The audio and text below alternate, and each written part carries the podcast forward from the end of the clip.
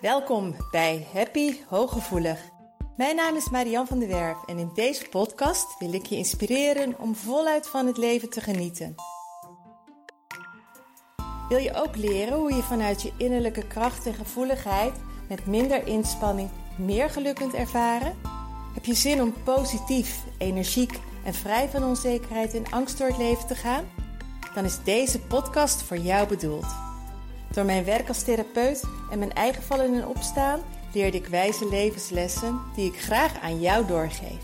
Samen op weg naar een licht en ontspannen leven. Ga je mee?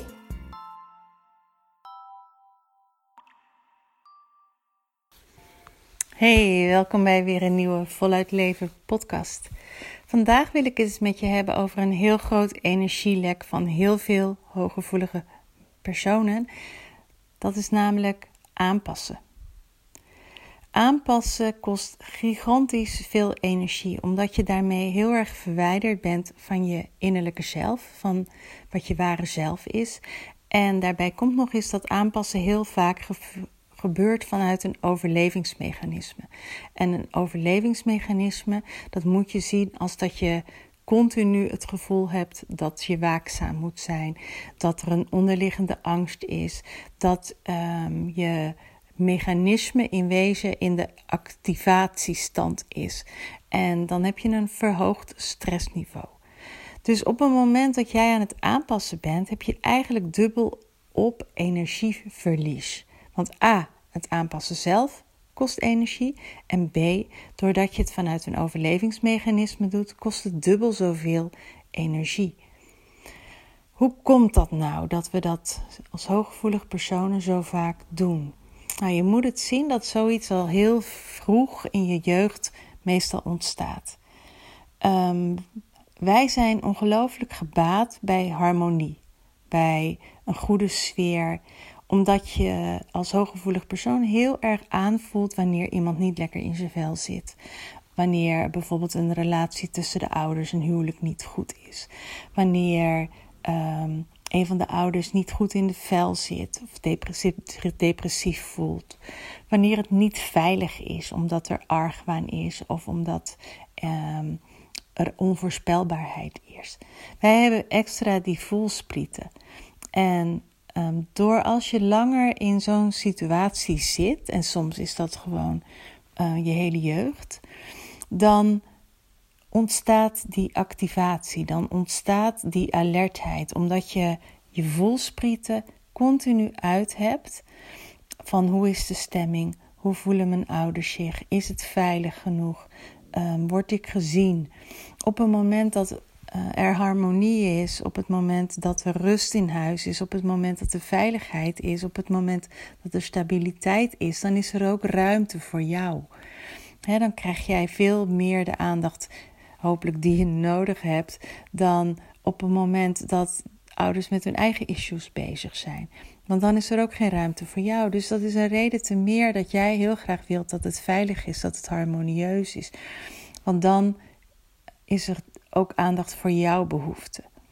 Dus op het moment dat er een disharmonie is in het gezin, zo moet je dat zien, vanaf jongs af aan ga je dan al je best doen om dat terug te krijgen. Dus je gaat in wezen heel hard aan het werk. En dat kan zijn dat je je heel erg verantwoordelijk bent gaan voelen voor de stemming. Dus dat je dingen geprobeerd hebt om te fixen. Dat je uh, de, de bemiddelaar bent geworden. Pas zei iemand tegen mij: Ik ben van nature een pleaser. Toen zei ik: Nee, een pleaser wordt niet geboren. Een pleaser, please gedrag is niet een natuurlijke reactie die is aangeleerd. Pleasen komt heel vaak voort aan van um, um, gewenst gedrag vertonen. Dus dat je goed genoeg bent, dat je erbij hoort, dat je ouders blij met je zijn, dat ze trots op je kunnen zijn, dat um, je je goed genoeg voelt, dat er uh, liefdevol met je omgegaan wordt, of dat je een complimentje krijgt. Dat zijn allemaal redenen waarom je bent gaan aanpassen, waarom je bent gaan pleasen. En dat kost zoveel energie. Al lijkt het voor jou misschien wel je natuurlijke gedrag wat je nu hebt, het is het niet. Natuurlijk uh, is de een meer een helper dan de andere. Kijk, als ik naar mezelf kijk, heb ik niet voor niets het ehm, beroep therapeut gekozen. En dat doe ik ook ongelooflijk graag. Maar ik heb ook een uitknop. Al was die de afgelopen weken ook niet zo goed te vinden, maar dan merk ik ook aan mezelf dat er een energielek ontstaat. Dus van, het is ook niet voor niets dat ik nu daar even extra aandacht besteed, want ik herken het bij mezelf ook dat die valkuil er zit. Maar ik heb echt een uitknop. Plus, ik ben heel eerlijk helemaal niet zo zorgzaam. Ik ben helemaal niet een zorgtype. Ik ben niet verzorgend. Ik, ik kook best wel graag, maar ik ben niet iemand die ehm, heel erg ja, gastvrij wel, maar um, nou, ik ben niet ongelooflijk zorgzaam. Ik heb graag dat iemand zijn eigen boontjes dopt of haar. En ik heb bijvoorbeeld een hele oude moeder. En ik vind het fijn om bij haar op bezoek te gaan. Maar ik heb niet zo iets van: ik ga mijn moeder eens een dagje verzorgen. Of ik ga um, een hele dag met haar op stap of zo. Daar ben ik bijvoorbeeld veel te individualistisch voor. Ik heb het geprobeerd en ik heb het op een gegeven moment ook aan mijn moeder uitgelegd. Dat ik zei: het past gewoon niet bij me. Ik ben niet een heel zorgzaam, vertroetelend type wat gelijk uh, op, je, op je deurmat staat op het moment dat je hulp nodig hebt. Dus dat is een verschil tussen. en, en er zijn dus mensen die van nature wel die zorgzaamheid hebben. Die echt van nature een helper zijn. Of die van nature het heel erg fijn vinden om voor iemand te zorgen. Dat bestaat zeer zeker wel. Maar dat is iets anders als pleasen. Dat is iets, pleasen is dat je het doet met een onderliggende reden. En over het algemeen is dan die onderliggende reden dat je dan pas goed genoeg bent. Dat je er dan pas toe doet. Dat je uh, dan aardig gevonden wordt. Dus alleen maar. Dus, dus je, je geeft om iets terug te ontvangen. Want als je dan vanuit dat overlevingsmechanisme handelt, dan is het veilig. En dan wordt er aan jouw behoefte voorzien. Maar dan merk je gelijk al, als ik hem zo vertel, dat je daarmee dus altijd, om je goed te voelen, in wezen afhankelijk bent van de ander. En je bent dus altijd keihard aan het werk om maar te ontvangen. En dat kost zoveel energie. En de eerste beweging die jij mag gaan maken is naar binnen. Om te gaan luisteren naar jouw innerlijke zelf. Om te gaan kijken en te gaan ervaren dat jij altijd al oké bent geweest. En dat je gewoon oké bent. Ook als je niet voor een ander aan het werk bent. En dat jij nu zelf die veiligheid kunt bieden aan jezelf. En een hele mooie oefening is als je je rechterhand onder je, op je hart legt, onder je oksel. En je linkerhand als ware om je heen slaat. En dan je ogen sluit en alleen maar rustig ademt. Dan voel je even die veiligheid. Want je, het is een schijnveiligheid als je die steeds buiten zoekt, buiten jezelf zoekt. Als je, wanneer je je steeds aan het aanpassen bent, zodat je dan die harmonie krijgt. Hè? En, nee, stel je eventjes voor dat, jij, dat iemand iets aan jou vraagt en jij zegt nee. Dan kan het zijn dat die ander het niet leuk vindt. Of dat die ander een beetje gepikeerd is. Nou, dat kan, dat mag. Maar als dat vroeger een heel naar gevoel gaf, of als dat vroeger heel oordelend was, of als er vroeger ruzie kwam als je nee zei, of als er vroeger uh, dat, je, dat je geslagen werd, of dat je afkeuring kreeg, of dat je boze woorden kreeg, dan voelde dat heel onveilig en pijnlijk. En dat wil je ten alle tijden voorkomen. En daarom ga je dan over die grens heen. Maar de veiligheid uiteindelijk zit niet bij de ander, want dan ben je altijd afhankelijk. De veiligheid zit in jouzelf. En hoe meer je bij jezelf bent, hoe dichter je bij jezelf bent, hoe meer je jezelf oké vindt, hoe minder hard je de ander nodig hebt. En dan zul je ook minder gaan pleasen minder gaan aanpassen.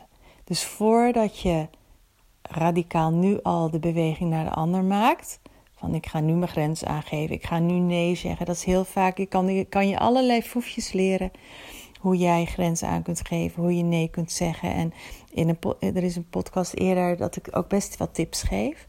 Maar die ga je pas toepassen met goed resultaat op het moment dat jij je van binnen veilig voelt. Dat jij die nee kunt handelen. Dat jij uh, iemand die gebekeerd is kunt handelen. Dat je daarmee kunt dealen. Dat je dan tegen jezelf kunt zeggen: Oké, dat is iets van de ander. Maar ook al vindt iemand me nu niet aardig, ook al doet iemand nu even niet zo vriendelijk tegen mij, ik ben oké. En ik ben altijd oké. En bij mij is het veilig. Dat is het stukje wat gaat helpen. En het heeft wel echt, het heeft tijd nodig. Het is niet morgen gerealiseerd, maar het is een bewustwording van hé, hey, ik hoef me niet aan te passen om het veilig te hebben. Ik hoef niet aan te passen om controle te hebben.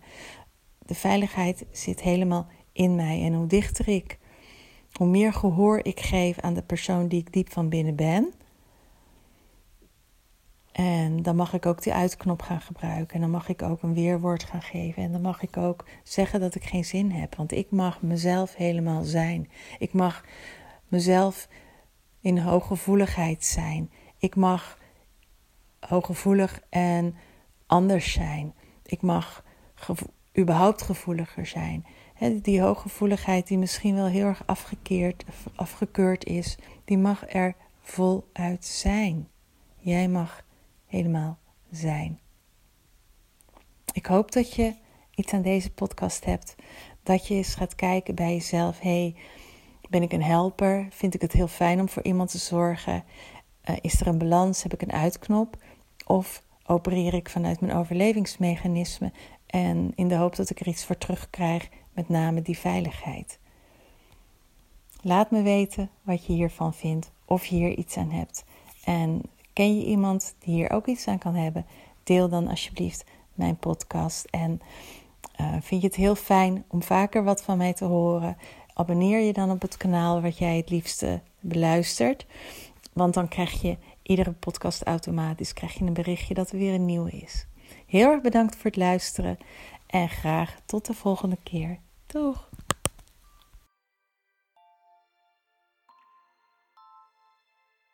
Dank dat je luisterde naar Happy Hooggevoelig. Heeft deze podcast je nieuwe inzichten gegeven? Je doet me groot plezier met een recensie op Apple Podcast. Je kunt je natuurlijk ook abonneren op dit kanaal in jouw favoriete podcast-app. Want elke week staat er een nieuwe aflevering voor jou klaar. En wil je nu zelf aan de slag en meer lichtheid ervaren? En sta je open voor nieuwe inzichten en verandering? Neem dan vooral eens een kijkje op mijn website www.zienswijs.nl. Daar help ik je graag nog verder. Zie ik je daar?